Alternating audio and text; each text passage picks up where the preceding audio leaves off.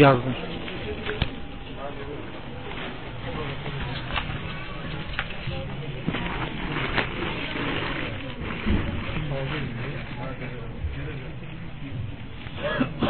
إن الحمد لله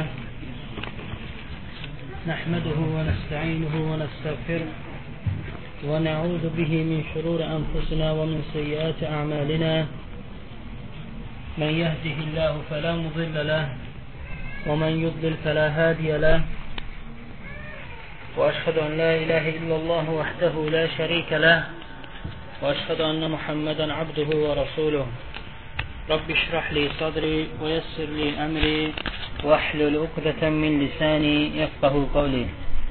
Əmmə bə'd. İlk olaraq özümə və sizə Allahdan qorxmağı tövsiyə edirəm. Qeyd edildiyimiz kimi dərsimiz Tohid dərsidir. Ümumiyyətlə elm iki hissəyə bölünür. Birincisi vacib olan elmdir. İkincisi isə sünnə olan elmdir.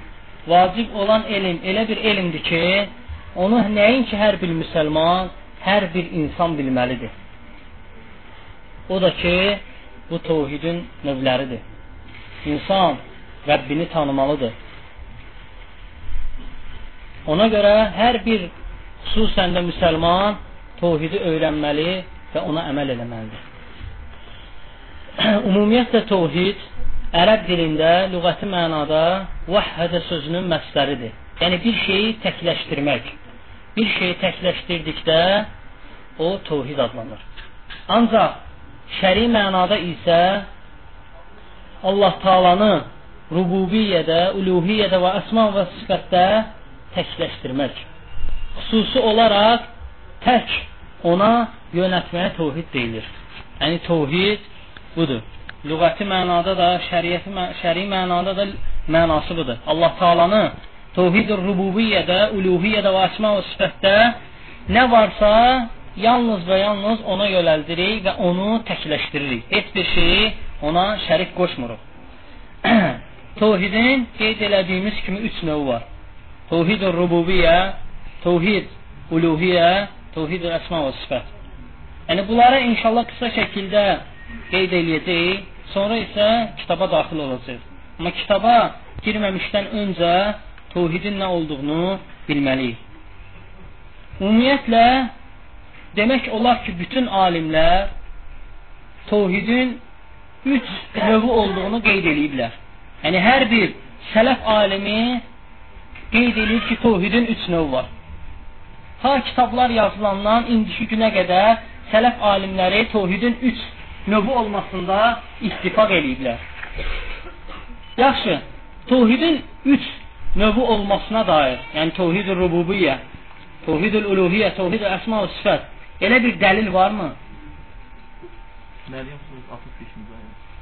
Ümumiyyətlə Quranda və yaxud hədisdə qeyd olunurmu ki, tövhidin üç növü var?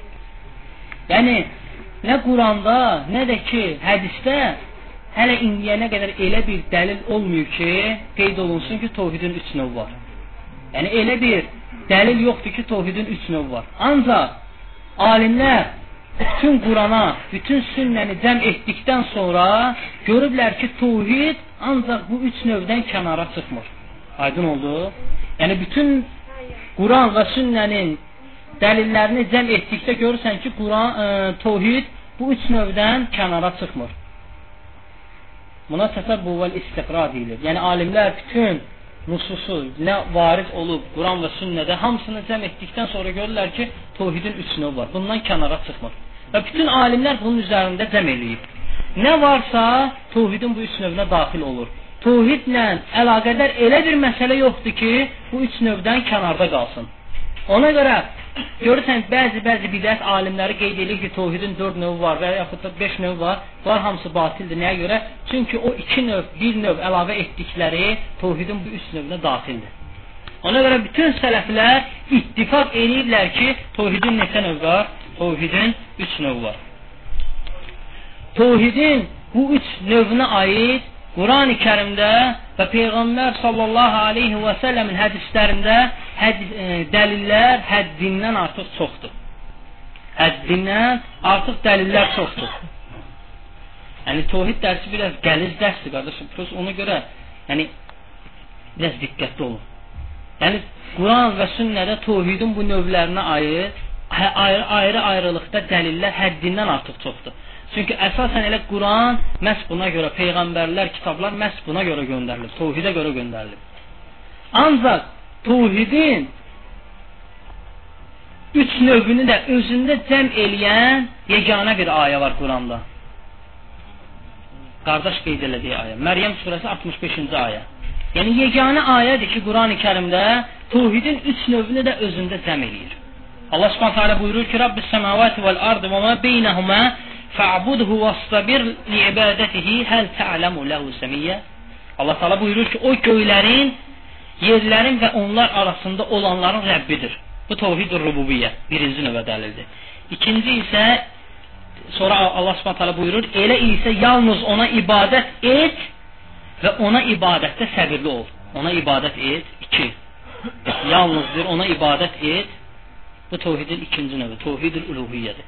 Sonra Allah Subhanahu taala buyurur ki, heç ona oxşarını tanıyırsanmı? Bu da təvhidin üçüncü növüdür. Təvhid-ül uluhiyyə. İndi inşallah e, təvhid əsma və sifət. Ayrı-ayrılıqda hamısını qeyd edəcəyik. Yəni yeganə ayə təvhidin üçünü də cəm eləyən bu ayədir. Məryəm surəsi 65-ci ayə. Yəni ona görə bu ayəni yadınızda saxlayın ki, təvhidin üç növünü də bu ayə özündə cəm eləyir. Bu ayə diqqətlə fikir verin. Allah Subhanahu taala deyəndə ki, yalnız ona ibadət et, demir ona ibadət et. Yalnız ona ibadət et. Çünki əsas elə məqsəd də budur. Təvhidül uluhiyyədə elə qəsd də budur. Yalnız və yalnız ona ibadət eləmək. Sonra Allah Subhanahu taala nə buyurur? Deyir ki, ona ibadətdə səbirli ol. Həqiqətən ibadət elə bir şeydir ki, səbir tələb eləyir. Vallahi ki, səbir tələb eləyir. Yəni insan səbr eləyə bilmirsə, o ibadəti davamlı şəkildə eləyə bilmir və yaxud da lazımı şəkildə ibadəti yerinə yetirə bilmir. Ona görə Allah Subhanahu buyurur ki, səbirli olun, ibadətdə səbr eləmək lazımdır. Kim ki ibadətdə səbr eləyirsə, ilk növbədə əziyyət çəksə, vallahi ki ondan sonra onun rahatlığını tapır. Subhanallah. Allah Subhanahu Qurani-Kərimdə buyurur ki: "İnne salate tenha anil fahşai vel munkar." Namaz sizi pis və murdar şeylərdən uzaqlaşdırır. Amma bizə baxırıq, subhanallah. Biz namaz qılırıq, amma namazımız bizi pis və murdar şeylərdən uzaqlaşdırmır. Nəyə görə? Ayə yalan deyil, ayə haqdır. Allah Subhanahu taala buyurubsa bu cürə də olmalıdır. Ancaq biz səbəb odur ki, biz namazımızı Allah Taala'nın istədiyi şəkildə qılmırıq. Allah Taala'nın buyurduğu bu ibadəti, İslamda olan ilk ibadəti lazımı şəkildə yerinə yetirə bilmirik. Məhz ona görə namaz bizi pis, pis murdar işlərdən çəkindirmir. Yəni çəkindirsə də tam çəkindirmir. Nəyə görə? Namazın namazımız tam deyil ona görə. Baxın subhanallah Peyğəmbər sallallahu alayhi və səlləmin namazına, sahabələrin, sələflərin namazına sonra öz namazımızı müqayisə edirik. Peyğəmbər sallallahu buyurur ki, ya biləlir, ərihlə bis salat. Bizi namazla rahatlaşdır. Amma biz namaz qılanda yoruluruq. Fərqə baxın, subhanallah. subhanallah. Onlar namaz qılanda rahatlıq tapırdılar. Biz namaz qılanda yoruluruq. İbn Teymiyyə deyir ki, mən deyir yorulanda namaz qılmağa başlayırdım və rahatlaşırdım. Namaz qılıb rahatlaşırdılar onlar. Amma biz isə namaz qılıb yoruluruq. Fərqə baxın, subhanallah. Fərqə baxın. Öz hamı da bilir ki, qiyamət günü ilk soruşulacaq şey də məhz namazdır. Kim ondan keçəcəksə, cənnətə girmək şansı bir o qədər çoxalacaq. İlk sualdır. Kim ondan kəsiləcəksə, demək olar ki, cəhənnəmin qapıları onun üzünə artıq açılır. Biz hamımız bunu bilirik və hamımız da bilirik ki, öl öləcəyik. Amma o imtihana hazırlaşmırıq. Təsəvvür eləyin bu dünyada imtahan gələn necə hazırlaşır? Hansısa bir yerdə oxuyanda. Hələ heç bilmirik hansı suallar gələcək, hamısını oxuyuruq. Amma qiyamət günü bilirik ki, bizə nə sual veriləcək. Amma onunla belə biz ona hazırlıq görmürük. Hansı ki, bu dünyadakı bizə gələn imtahanlar, oxuduğumuz imtahan universiteti, məktəbdir. Keçməsən də heç nə itirmirsən. Amma axirət günündə imtahandan keçməsən, məhv olanlardan olsan. Ona görə ibadət elə bir şeydir ki, ona səbr, səbr eləmək lazımdır.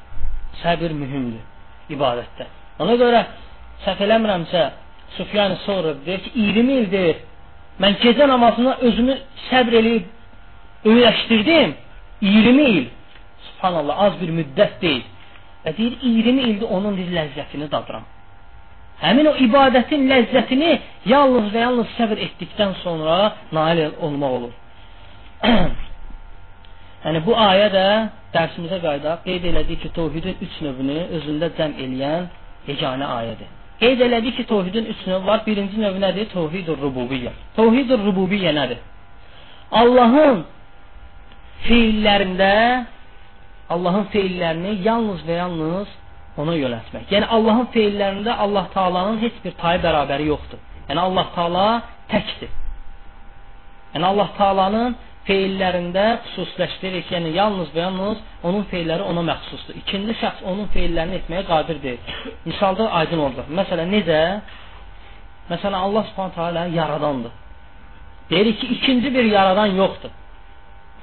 Allah Taala yaradandır, ikinci bir yaradan yoxdur. Kim ki desə ki, ikinci bir yaradan var, artıq Allah Taalaya şərik qoşmuş olur. Şirk də nədir? İnşallah gələcək. Təvhidin qismlərindən sonra şirkin nə olduğunu bəyan edəcək. Və yaxud da Allah Taala ruzi verəndir. Kim desə ki, yox, Allah Taala vermir, ayrısı verir, artıq Allah Taalaya həmin şəxsi, həmin bir şeyi şərik qoşmuş olur. Və yaxud da deyirik ki, hər bir şeyin sahibi mülk ona aiddir, ona məxsusdur. Kim desə, desə yox, artıq ona nəysəni şərik qoşmuş olur. Eləcə də dirildən öldürən Allah Subhanahu taalədir. Yəni Allah Taala'nın bu cür feillərində onu təkləşdiririk. Kim desə ki, yox, Allah Taala'dan başqası da var, artıq nəysəni Allah Taala'ya şərik qoşmuş olur. Aydındır? Məsələn, misal çəkək. Allah Taala buyurdu ki, e, dedi ki, yalnız və yalnız yaradan odur. Necə ki Allah Subhanahu Qurani Kərimdə buyurur: "Allahu xaliqu kulli şey." Allah Taala hər bir şeyin yaradanıdır. Hər bir şeyin yaradanı kimdir? Allah Subhanahu taalədir. Aydındır? Hər bir insan etiqad eləməlidir ki, Allahdan başqa yaradan yoxdur. Ancaq Allah Subhanahu taala Qurani Kərimdə özü bəyan eləyir ki, ondan başqa da yaradan var. Necə ki buyurur, biz Allah Subhanahu buyurur, deyir, buyurur ki: "Fətəbarakallahu əhsanul xaliqin." Allah Taala yaradanların ən yaxşısıdır. Fikir verdiniz ayə. Bəziləri bu ayələrlə şübhə gətirirlər. Deyirlər ki, Allah Subhanahu tək deyil. Allah Taala buyurur ki: "Fətəbarakallahu əhsanul xaliqin." Allah Taala yaradanların ən yaxşısıdır. Və yaxud da Buxaridə gələn hədisdə Peyğəmbər sallallahu alayhi və səlləm şəkil çəkənlər barədə buyurur ki, qiyamət günü onlara deyiləcək ki, əhyu mə xalaqtum. Yaratdıqlarınıza həyat verin. Onlara əzab verilərək deyiləcək ki, yaratdıqlarınıza həyat verin. Gördünüz? Həm Quranda, həm də sünnədə gəlib ki, Allah Taala'dan da başqa yaradan, yəni var.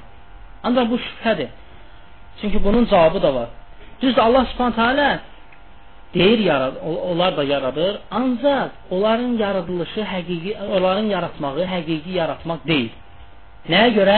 Əslində yaratmaq bir şeyi heç nədən yaratmağa deyilir. Yəni Allah Subhanahu taala heç nədən yaradıb hər şeyi. Əsl yaradan odur. Ancaq insan şəkil çəkən və yaxud da heykəl düzəldən yaradır. Ancaq necə bir şeyi bir şeyi bir formadan digər bir formaya salmaqla, o da yaratmaq deyil. Həmçinin onların yaratdığı şey müəyyən bir çərçivə içərisindədir. Yəni ümumiyyətlə hər bir şeyi yarada bilməzlər. Allah Taala'nın icazə verdiyi şeyləri yarada bilirlər. Aydın oldu? Qaranlıq qalmadı ki, sizə. Və yaxud da ayrı bir misal, deyir ki, Allah Taala mülk sahibidir. Hər bir şeyi idarə eləyən odur. Allah Subhanahu taala buyurur ki: "Velillahi mulkus semawati vel ard." Yerin də göyün də sahibi Allah Subhanahu taaladır. Digər bir ayədə buyurur ki: "Kul men biyedihi mələkutu kulli şey." De, əgər bilirsinizsə deyin görün, hər şeyin hökmü kimin əlindədir? O həmçinin yenə də Allah Subhanahu taala başqa bir ayədə buyurur ki: "İllə alə əzvacihim əv mə mələkat eymanuhum fə innahum qeyru məlumin." Bir zövcələri və bax fikir verin ayə və sahib olduqları istisnadır.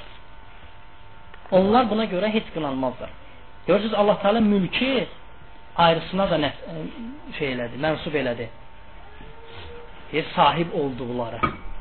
Ancaq bunun cavabı da elə iki, birinci kimidir. Yəni onların sahib ol insanın sahib olduğu şey müəyyən bir çərçivə içərisindədir. Oradan qırağa çıxa bilmir. Məsələn, insan öz əlinin altında olanın öz əl nə nə nə var, nə, əlinin altında nə varsa onun sahibidir. Məsələn, mən öz əlimin altında olan sahibiyəm, amma sənin əlinin altında olanın sahibi deyiləm. Görürsüz? Allah Taala müəyyən miqdarda insana sahiblik verib. Və yaxud da Allah Subhanahu taala insana mal verib. O malın sahibidir insan. Tam sərbəstliyi ona verib, sahibliyi verib Allah Taala. Yox. İnsan malını israf elədi, mal mənimdir deyir, yandırıram. Yandırsa qiyamət günü ona görə ona cəza çəkiləcək. Kəsiləcək. Nəyə görə? Çünki Allah Taalaya, yəni Allah Taala ona sahibliyi tam verməyib. Və yaxud da deyir, heyvan mənimdir, əlimin altında olan heyvan mənimdir, mən onu öldürürəm, əzab verirəm. Yox. Ona görə onun cəzasını alacaq. Görürsüz? Yəni insanın sahibliyi tam şəkildə deyil. Ona görə Allahın feilləri ki var, Tövhid rububiyyə tək Allaha məxsusdur. Allah Taala təkdir. Onun heç bir tayı bərabəri yoxdur və onun feilləri də tək ona məxsusdur. İkinci bir şəxs onun feilinə qadir deyil və heç kəs iddia eləyə bilməz ki, o feili ikinci eləyən şəxs var. İddia eləsə Allaha şərik qoşmuş olur və onu cəza gözləyir.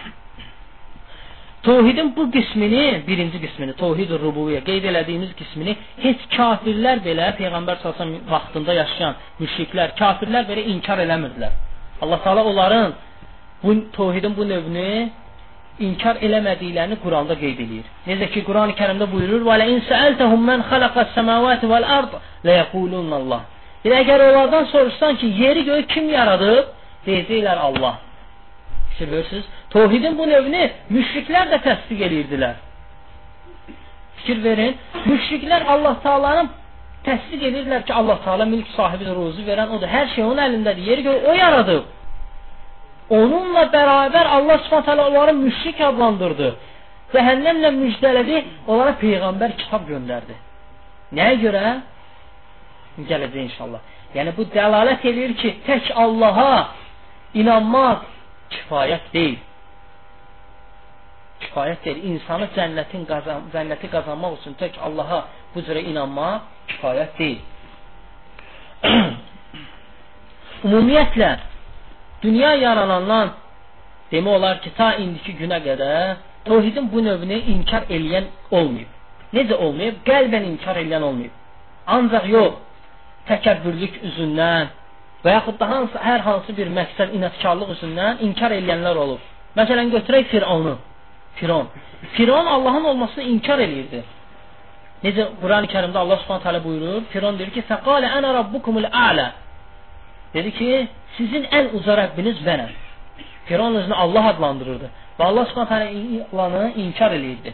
Necə başqa bir ayədə Allah Subhanahu taala buyurur, buyurur ki, o dedi ki: "Mə alimtu lekum min ilahin qeyri." Deyir, mən deyir, sizə özümdən başqa bir ilah olmasını tanımıram. Firon inkar eləyirdi Allah subhanət aləni. Ancaq o dildə inkar eləyirdi. Qəlbdə belə Allah subhanət alə onu təsdiq eləyirdi. Yəni, dünya yaranandan ta indiki günə qədər elə bir insan olmur ki, olsa da yəni barmaqla saymaq olar onların sayını ki, Allah talanın varlığını inkar eləsin. Necə Allah subhanət alə Quran-ı kərimdə buyurur ki, deyir vəcəhədu bihə və isteyqanəthə ənfusuhum zulmən və uluva və uluva buyurur ki buna qəti inandıkları halda haqsızcasına onları inkar elədilər. Firon üçün buyurur deyir buna qəti inandıkları halda. Yəni qəti inanırlar ki Allah subhanət hələ var. Sonra Allah subhanət hələ görünə buyurur deyir gör fəsad törədənlərin aqibəti necə oldu fikir verirsiniz. Nə vaxtı ki Allah Subhanahu taala ona şərik qoşan qövmlərdən danışır. Ayə və yaxud mövzuların axırına fikir verin, ya onların məhv olmasından danışır, ya da ki onları gözləyəcək əzabdan danışır. Ya da onları yəni əzabla müjdələyir. Nəyə görə? Çünki ən böyük günah məhv şirkdir. Gəlir indi qeyd edəcəyik inşallah. 417 07 maşın kimi nəsə. Digər bir ayədə Allah Subhanahu taala misal çəkir. Nə vaxtı ki Musa peyğəmbər münaqişə eləyir Firavunla Musa peyğəmbər Firana buyurur: "Laqad alimta ma anzala ma anzala haula'i illa rabbus semawati vel ard." Musa buyurur ki, Firana deyir. Musa dedi: "Sən bilirsən ki, Firana deyir ha, deyir, sən bilirsən ki, bunları yalnız göylərin və yerlərin Rəbbi açıq-aşkar möcüzə olaraq indirdi. Deyir, sən bilirsən. Fikir verirsən? Və Firon Allahın olmasını inkar eləsə də qəlblə inkar eləmirdi. Aydındır? Və yaxud da Allahı inkar edənlərdən də biri məcuslardır. Hamımız bilirik məcuslar. Məcuslar da necə inkar edirlər? Deyirlər ki, e, ümumiyyətlə bu aləmin iki dənə Rəbbi var. Biridir nurdur, necə ki Şeyx Hüseymin bunu gətirir. Deyir, biri nurdur, biri də zülmətdir deyir.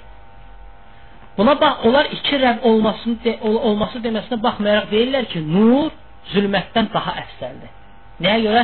Çünki deyir, nurdur, xeyri yaradır, zülmət isə şərri yaradır. Həmçinin deyir ki, o özlüyündə, zatında belə nur zülmətdən əfsəldir. Nəyə görə? Deyir, çünki deyir, nur deyir, işıqdır, nurdur, zülmət isə qaranlıqdır deyir, ona görə. Yəni, bunların dedikləri sadəcə olaraq insan gülməyə gəlir. Ancaq Allah subhanətə şükürlər olsun ki, bizi doğru yola yönəldib. Yəni Quran-ı Kərimdə də qeyd eləyir ki, onlar o cürə insanların qəlblərini bağlayır, möhürləyir. Yəni onlar haqqı görmürlər ona görə. Ona görə müsəlman daima Allaha həmd eləməli ki, Allah Subhanahu bizi doğru yola yönəldib. Tövhidin birinci növü aydın oldu da inşallah. İkinci növü də tövhidül uluhiyyədir. Tövhidül uluhiyyədir. Həmçinin alimlər kitablarında tövhidin bu növünə tövhidül ibadə deyirlər ibadət tövhidi. Nəyə görə ibadət tövhidi? Bu tövhid məhz sırf ibadətdən bəhs ona görə tövhidin bu növü. yəni hər bir ibadətdə, ibadətin hər bir növündə Allahı təkləşdirmək. Yalnız və yalnız ibadətin hər bir növünü, hər bir növünü ona yönəltmək. Ona heç bir şeyi şərik qoşmamaq. İndi ayə oxuyacam. Bir dənə ona diqqətlə fikir verin. Allah Allah Subhanahu taala Quran-ı Kərimdə buyurur ki: "Zəlikə bi annallaha bi annallaha'l haqq və annama yad'un min dunihi'l batil." Allah Taala buyurur ki, bu belədir. Çünki Allah haqdır. Kafirlərin ondan başqa ibadət etdikləri isə batildir. Həqiqətən Allah ən ucadır və ən böyükdür.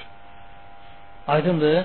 Yəni hər bir ibadətin hər bir növü məhz Allah Subhanahu taalaya yönəlməlidir.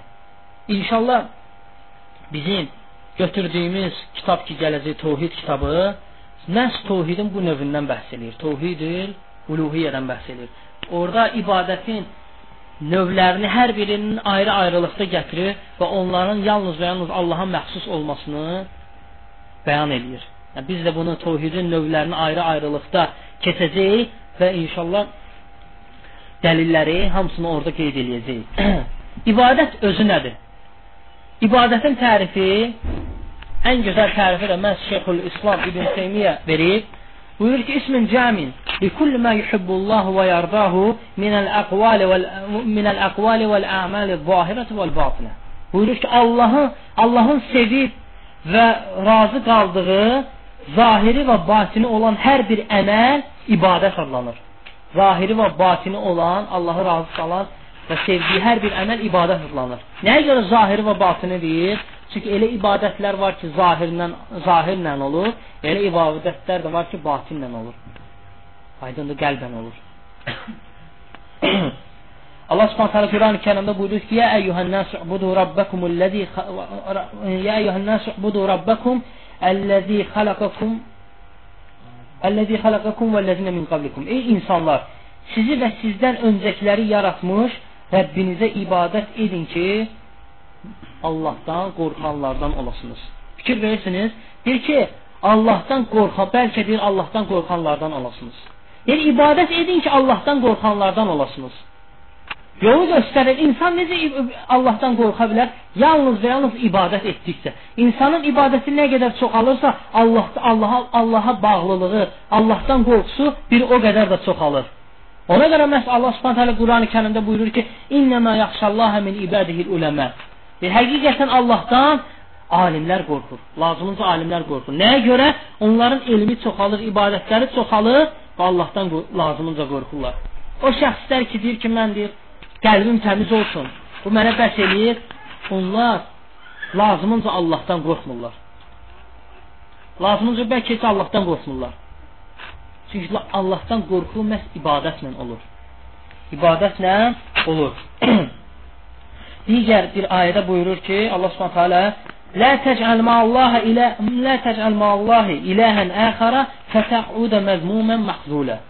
Deyir Allahla yanaşı başqa tanrıya ibadət eləmə. Yoxsa zəlil və tənha olarsan. Ayə fikir verin, diqqətlə qulaq asın. Demirəm başqa bir tanrıya ibadət eləmə.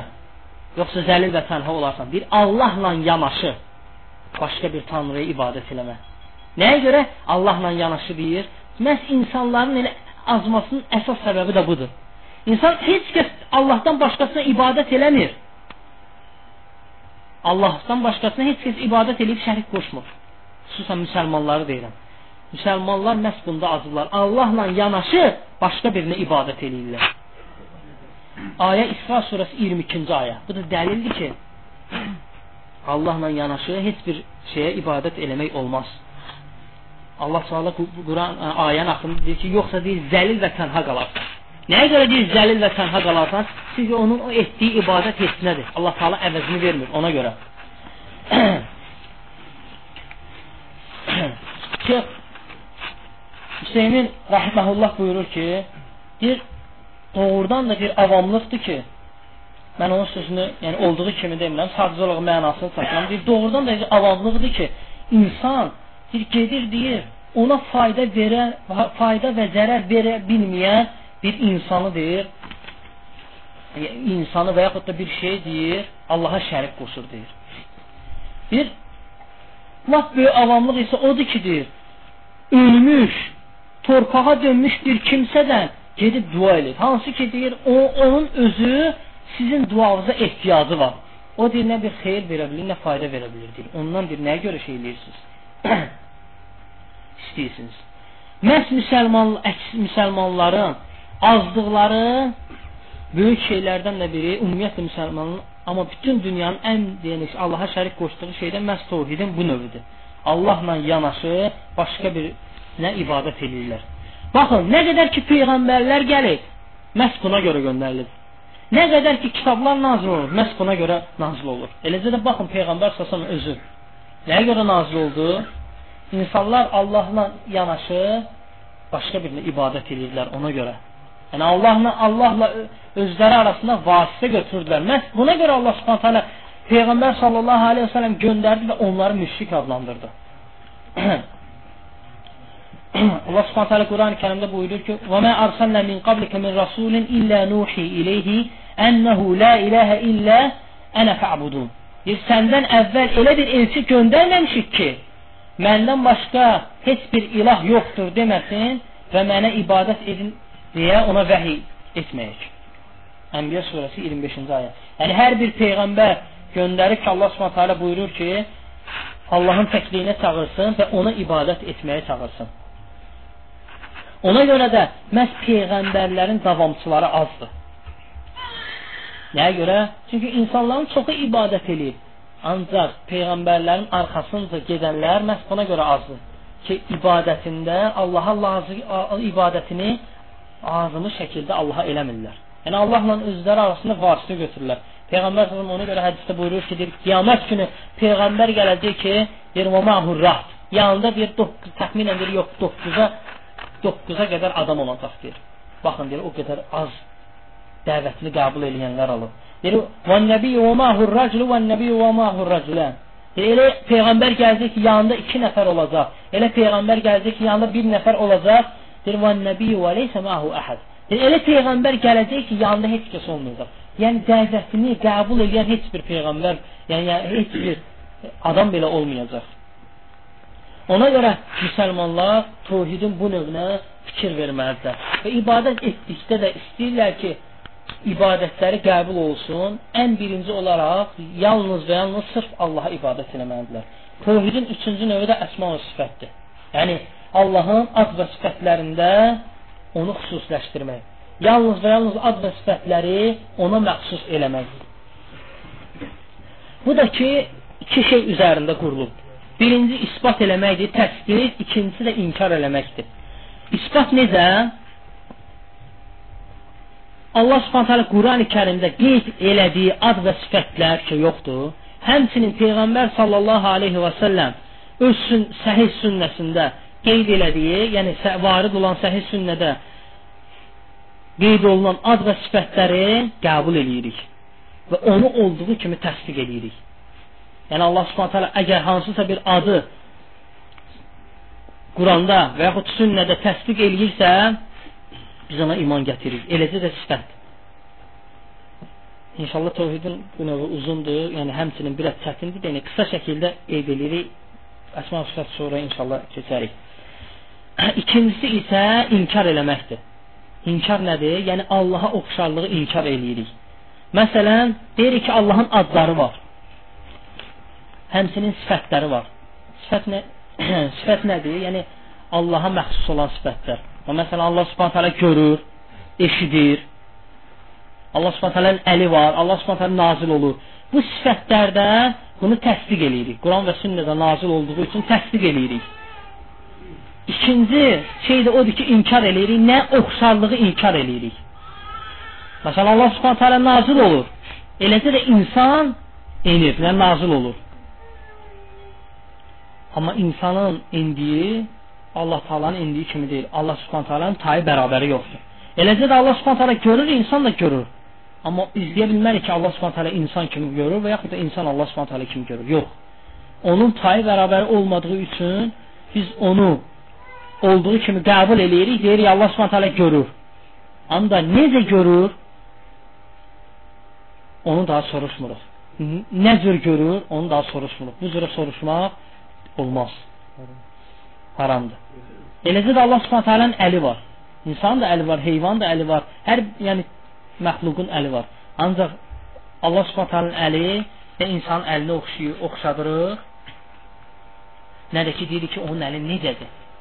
Ancaq əli olmasını Quran və sünnədə nazil e, varid olduğu üçün təsdiq eləyirik, inkar eləmirik. Aydındır?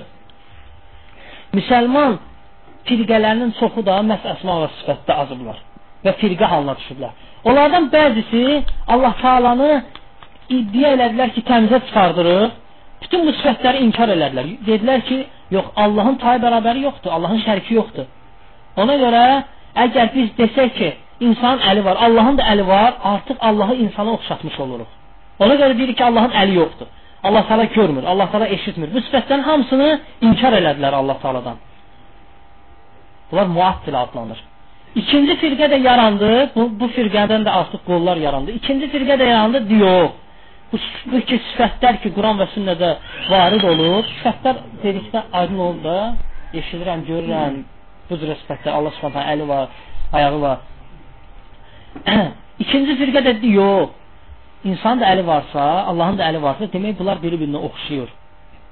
Və başladılar necədir axtarmağa və bunlar da yeni bir tayfa yarandı və bunlar da məhv olanlardan oldu. Amma əhl-i sünnə bunların iki firqənin də arasında orta məxrəcdədir, haqq yoldadır və Quran və sünnədə təsdiq olan sifətləri biz də təsdiq eləyirik, ancaq necədir, nə cürdür sualını vermirik. Çünki insan dərk eləyə bilmir. Ona görə İbn Teymiyənin gözəl bir sözü var. Həmişə Şeyx İbrahim Ruheyli bizim şeyximiz həmişə bu sözü təkrar edir. Deyir ki, "El-muattilatu ya'bud el-muattilatu ta'budul adama Vəl-müşəbbihətü Vəl-müşəbbihətü tə'budu sanəmə deyir. Deyir, müəttilələr heç nəyə ibadət eləmirlər. Heç nəyə ibadət eləmirlər. Nəyə görə? Çünki deyirlər Allahın əli yoxdur, Allah Taala'nın zatı yoxdur, Allah Taala'nın gözü yoxdur. Hər bir şey Allah Taala'nın hərəkəti, hər bir şey Allah Taala'nı inkar edirlər. Ona görə deyir, bunlar heç nəyə ibadət eləmirlər. Sonra da deyir ki, "Vel müşəbbihatu ta'budu sanama." Müşəbbihlər isə bütə ibadət eləyirlər. Çünki Allah Taala hər şeyi oxşadırlar. Aydındır? Ona görə müsəlman onun boynuna düşən vacib, vacib məsələlərdən də biri budur ki, Allah Subhanahu Qurani Kərimdə və yaxud da Peyğəmbər sallallahu əleyhi və səlləm sünnədə bizə bəyan elədiyi ad və sifətləri ona bu ad və sifətləri qəbul eləyirik, təsdiq eləyirik və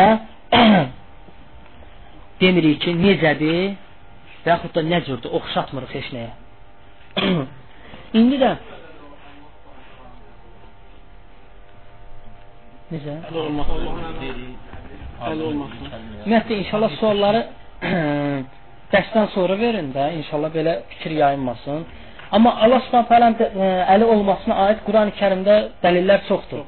Amma Allah Subhanahu taala Qurani-Kərimdə iblisə xitab edərək buyurur ki: "Mə mənəəkə ən təscudə limə xalaqtu biyədi."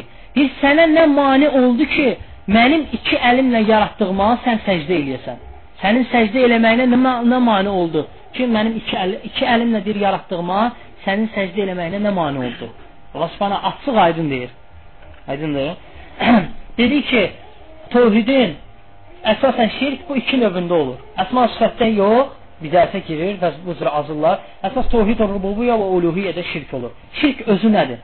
Şirk özü qeyd elədiyimiz kimi Allahı rububiyyədə və uluhiyyədə nəyisəni şərik qoşmaq, onunla yanaşı tutmaq şirkdir. Ümumiyyətlə şirk əsasən ən çox qeyd elədiyimiz kimi uluhiyyədə olur, ibadətdə olur. Müsəlmanların da, ümumiyyətlə insanların da əksəriyyəti məhz bunda azıblar. İbadətin növləri çoxdur. Orucdur, zəkatdır, nəzir verməkdir, qurban kəsməkdir, qorxudur, təvəkkül, hamısı ibadətin növləridir. Bunların hamısını yalnız yalnız Allaha yönətmək lazımdır. Ümumiyyətlə qeyd elədiyimiz kimi şirk ən böyük zülm, ən böyük günah adlanır. Nəyə görə indi bunu qeyd eləyəcəyik? Birincisi şərik qoşmuş şəxs Allah Taalanı nəyisəyə oxşadır. Nəyisəyə oxşadır və onu bərabər tutur. Ona görə şirk ən böyük zülmdür. Allah Subhanahu taala buyurur, ki: "İnne şirke le zulmun azim." Həqiqətən deyir, ən böyük zülm şirkdir. İkincisi Allah Subhanahu taala Qurani-Kərimdə bəyan eləyir ki, ona şərik qoşanı Allah Subhanahu taala bağışlamır.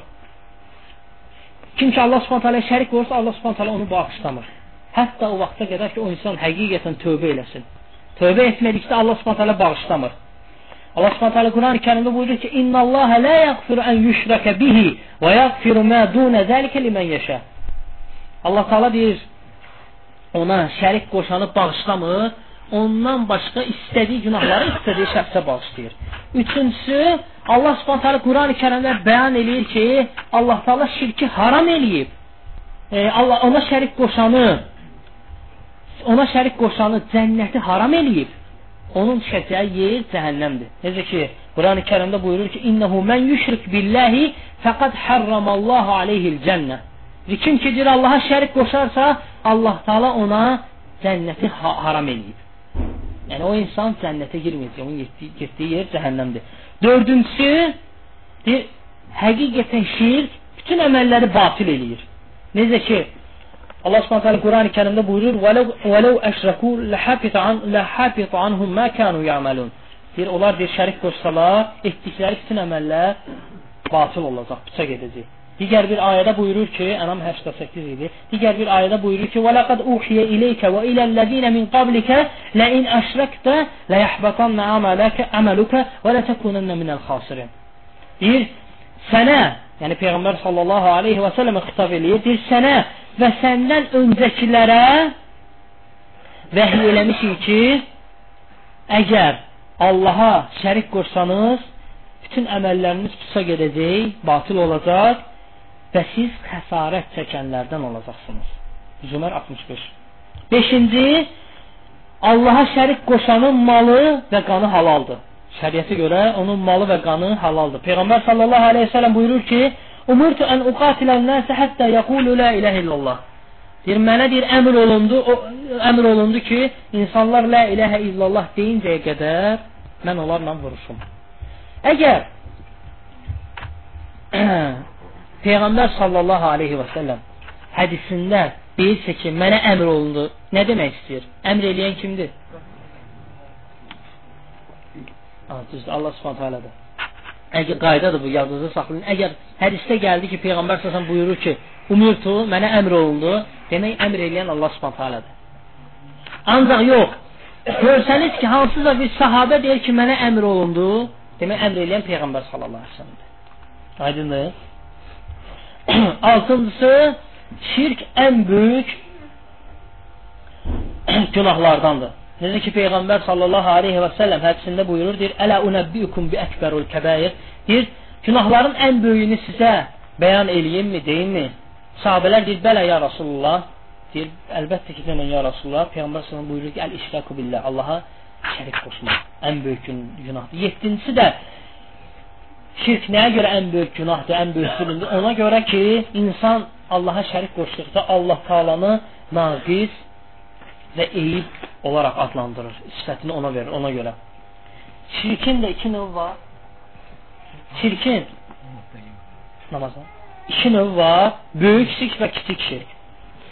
Böyük şirk sahibini İslamdan çıxardır. Kim ki böyük şirk elədirsə İslamdan çıxmış olur. Və cəhənnəmdə olaraq əbədi qalacaq həmin insan. Ta o vaxta qədər ki, insan yox, əgər insan tövbə eləyibsə Allah Subhanahu bağışlayır onu. Aydındır? ibadətin hansısa bir növündə Allaha şərik qoşarsa böyük şirk, o insanın yeri cəhənnəmlikdir. Sonra inşallah ibadətləri keçdikdə ibadətin növlərini bəyan eləyəcək. Hansı ibadət böyük şirkə girir və hansı ibadət kiçik şirkə girir. Allah Subhanahu taala Quran-Kərimdə buyurur: "Və ya'buduna min dunillahi ma la yadurruhum və la yanfa'uhum və yəquluna Həuləi şüfəauna indallah." Ayə subhanallah diqqətlə fikir verin. Yunus surəsi 18-ci ayədir. Əzəmətli ayələrdəndir. Allah Teala Quran-ı Kərimdə buyurur ki: "Və ya'buduna ibadət eləyirlər min dunillah." Allahdan qeyrisinə. Mə la yadurhum və la yanfa'uhum. Hansı ki onlara nə xeyir verir, nə də ziyan verir. Baxın, Allah Subhanahu taala deyir ibadət eləyirlər Allahdan qeyrisinə. Birinci təsdiq elədi ki, onlar ibadət eləyir. Ancaq sonra təsdiq elədi ki, onlar Allaha yox, Allahdan qeyrisinə ibadət eləyirlər. Sonra indi bəyan eləyəcək ki, hansı növdür? O növ ki, insan Allaha ibadət edir. Ancaq Allah Taala onun etdiyi ibadəti ona yox Allahdan qeyrisinə ibadət kimi adlandırır. Bu baxın, deyir, və yəquluna onlar deyirlər: "Həulai şüfəuna indallah." O hə, onlar deyirlər ki, onlar, yəni ibadət etdiklərimiz şey Allah yanında bizim şəfaətçilərimizdir. Subhanallah, fikir vermə ayə, əzəmətli ayələrdən ya. İndi ümumiyyətlə cəmaatın əksəriyyətindən məhz bu ayə lazımdır. Hamı deyir Allaha ibadət edir, amma şərik qoşurlar. Deyirlər ki, şəfaətçidir, vasitə götürürük. Amma Allah Subhanahu taala onların ibadəti Allahdan qeyrisinə ibadət adlandır. Necə ki buyurur, və ya Hə. Yunus 18. Allah Teala buyurur ki: "Və abuduna min dunillahi" Allahdan qeyrisinə ibadət edirlər, "Mə la yadurruhum və la yanfa'uhum." Hansı ki, onlara nə xeyir verir, nə də zərər verə bilər. Və buyurun, var deyir Allahdan qeyrisinə ibadət edirlər. Sonra gör nə buyurur? Deyir: "Və yəquluna" deyirlər onlar. Həulay ibadət etdiklərimizlə şəfaəna indallah. Allah dərgahında bizim şəfaətçilərimizdir. Yəni biz Allaha ibadət edirik, ancaq onları şəfaətçi olaraq götürmüşük. Allah Taala onların bu növünü Allaha ibadət adlandırmadı. İkinci növ isə qeyd elədiyimiz kimi kiçik şirkdir. Kiçik şirk edən şəxs İslamda olaraq qalır. Yəni Allah Taala onu müsəlman adlandırır, ancaq təvhidinə naqislik gətirir. Həmçinin böyük şirkə aparan bir vasitədir. Kiçik şirk böyük şirkə aparan bir vasitədir. O da iki cür olur. Ya zahirdə olur insan, onu ya zahirdə eləyir, ya da ki batində eləyir. Zahirdə necə? Zahirdə açıq-aşkarda eləyir. O da ki, ya dillə olur, ya da əməllə olur. Dillə necə? Allahdan qeyrisinə and içir. Allahdan qeyrisinə and içində bu kiçik şirkdir. Necə ki, Peyğəmbər sallallahu aleyhi ve sellem buyurur, Mən hələfə bi qeyrillahi fəqad kəfərə o əşrəkə. Kim Allahdan qeyrisinə and içərsə, küfür etmiş və, və yaxud da şirk etmiş olur. Bu kiçik şirkdir. Allahdan qeyrisinə and içir. Bu ləfsdə olan şirkdir. Və yaxud da insan deyir ki, Allah və sən istəsən. Deməlidir ki, Allah istəsən, əgər sonra desə, yəni istəsə deyə bilər ki, sonra sərsən. İnşallah bu növləri hamısını ayrı-ayrılıqda gələcək. Və yaxud da əm, ə, demək zahirdə olan şirkin dinlə yox, əməldə göstərdiyi növü hansısa bir şeyi sapdır, parçadır, bağlayır ki, bu məni qoruyur. Bəladan qoruyur və yaxud da üzərlikdir və yaxud da göz muncuğu asmaqdır, bu cür şeylər asmaq. Aydındır? Bunlar əsasən, əsasən kiçik şirkdir. Ancaq yox, hərdən bu növ ibadətlər həm böyük şirkə girir, həm də kiçik şirkə girir. Bu diqqətlə fikir verin. Əgər insan desə ki, bu səbəbdir, qoruyan Allah Taaladır, onda bu kiçik şirkdir. Yox, əgər desən ki, desə ki, astığın bu şey bu qoruyur, onda o böyük şirkdir.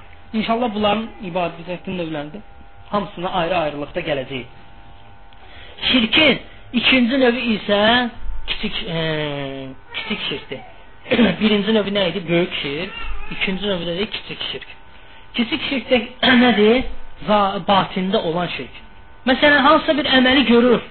Ancaq ya insanlar görsün deyə bunu eləyir və yaxud da ki, hansısa bir məqsədlə dünyada hansısa bir şey yiyələnmək üçün vəzifədir, maldır, nədir, nədir. Bu səbəblərlə eləyirsə ibadəti, hər bir növü, hansı növü olursa olsun, bu artıq kiçik şirkə girir. Həccə gedir, zəkat verir, namaz qılır ki, insanlar görsün, eləsin. Bu artıq riyadır. Peyğəmbər sallallahu aleyhi və səlləm buyurur ki, sizin üçün ən qorxduğum şey bir kiçik şirkdir. Sahabələr buyurur ki, kiçik şirk nədir ya Rasulullah? Buyurur ki, ər-riya, riya. Aydındır?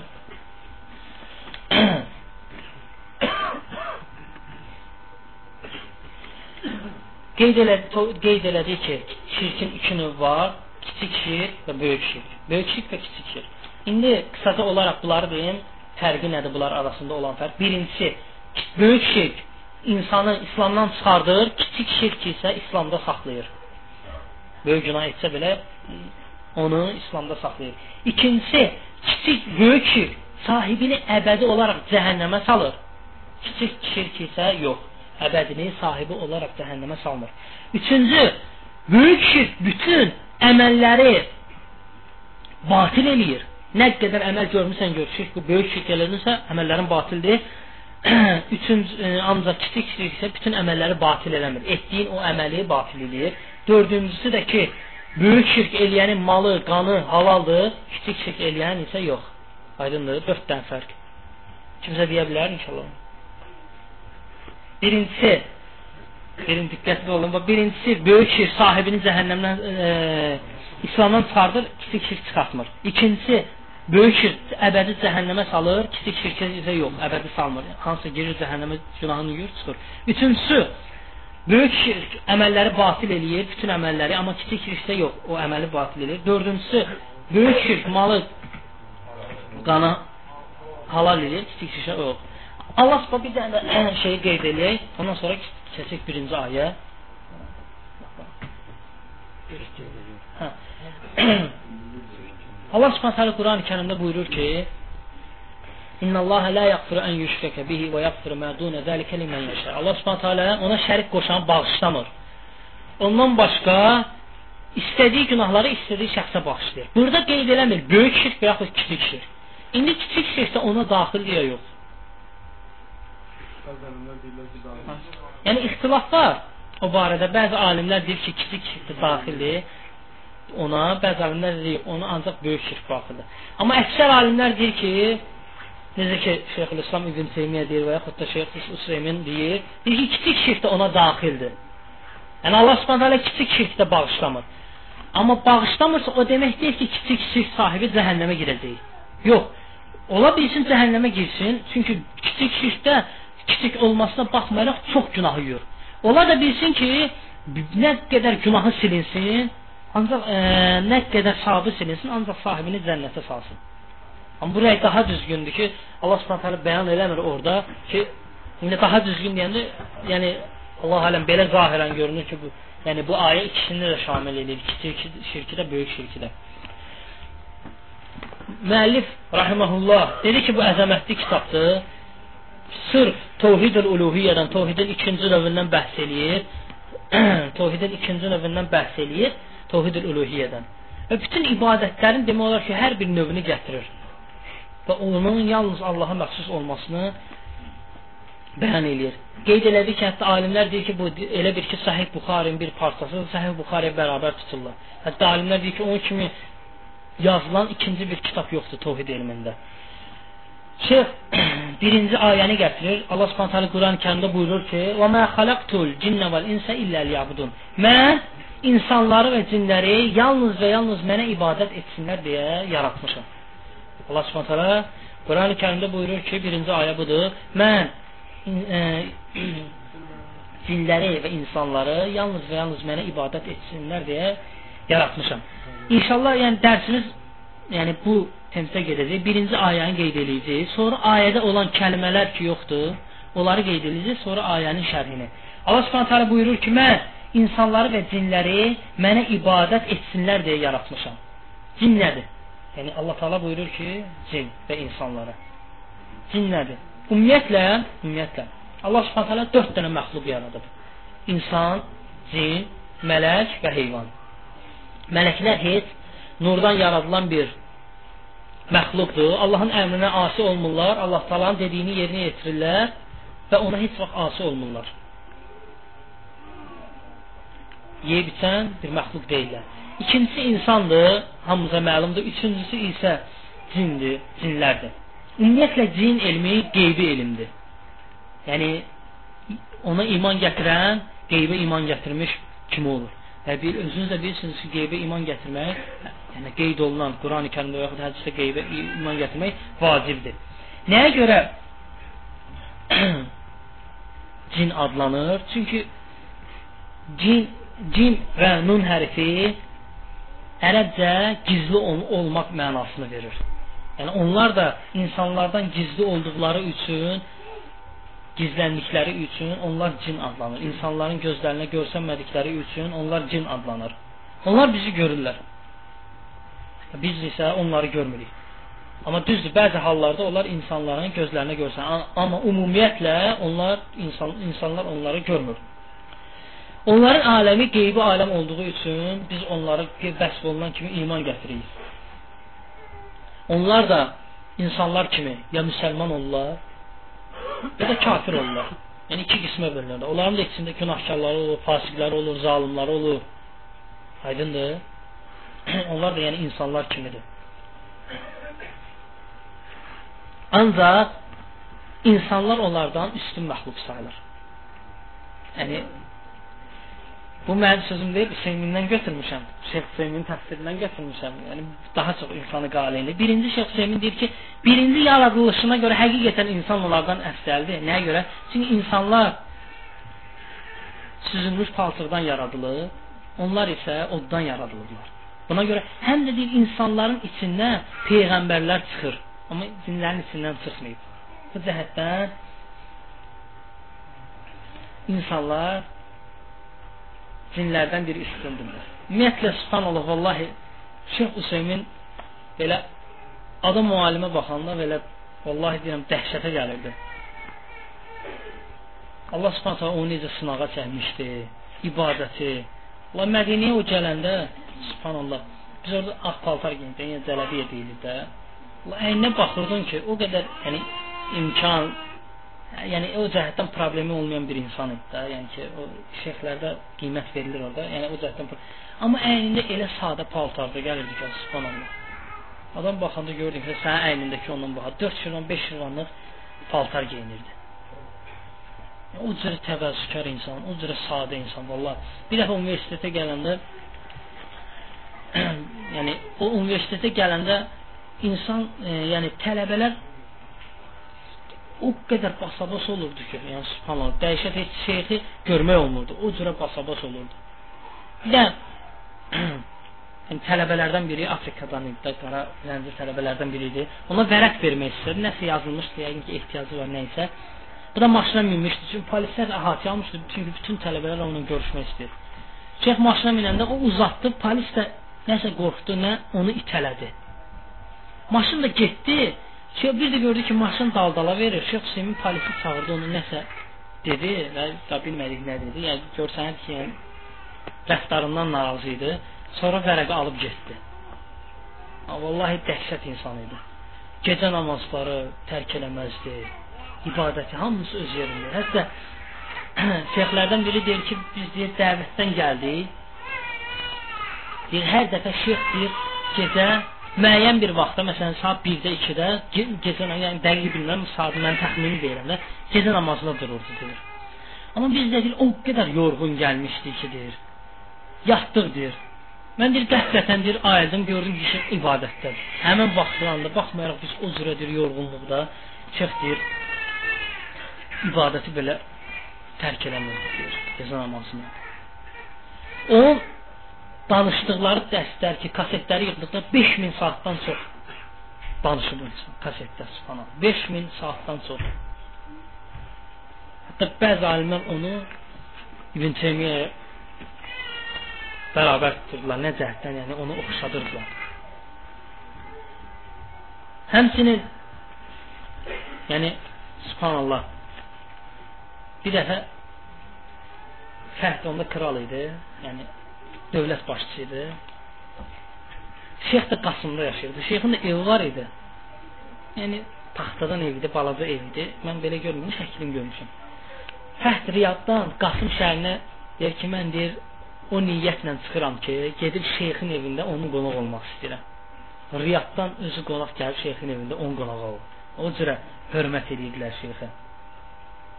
Məscidi təxminən evindən 1 kilometr uzaqda olardı da. Hər dəfə məscidə piyada gedir, hər dəfə piyada qayıdır və gedib gələndə Quranı oxuyurdu. Hər dəfə gedib gəlirdi, 5 namaza deyir, gedib gəlirdi. 5 namaza deyir, gedib piyada gəlirdi. Hər dəfə də deyir Quranı oxuyurdu deyir, subhanallah. Allah Subhanahu taala onu elə imtahana çəkib ki, şeyx tanınmış şeyx idi, məşhur şeyxlərdən idi.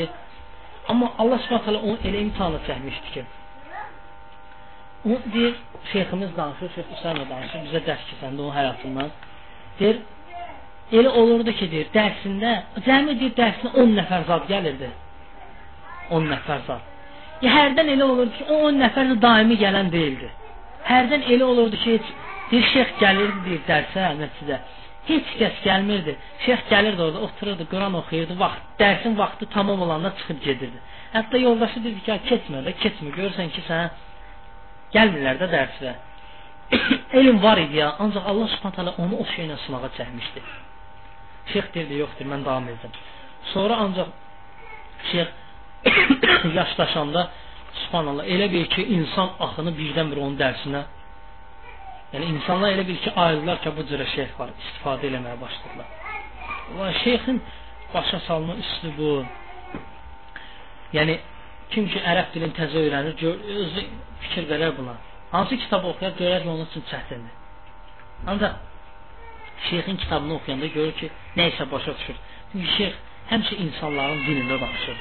Onların başa düşdüyündə gəlib sözlər işlətməzdi.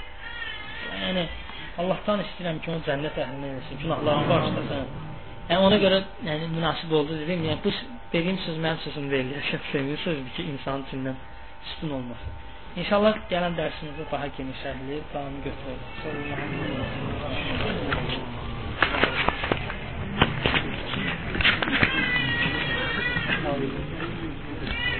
Sallallahu əleyhi və səlləm.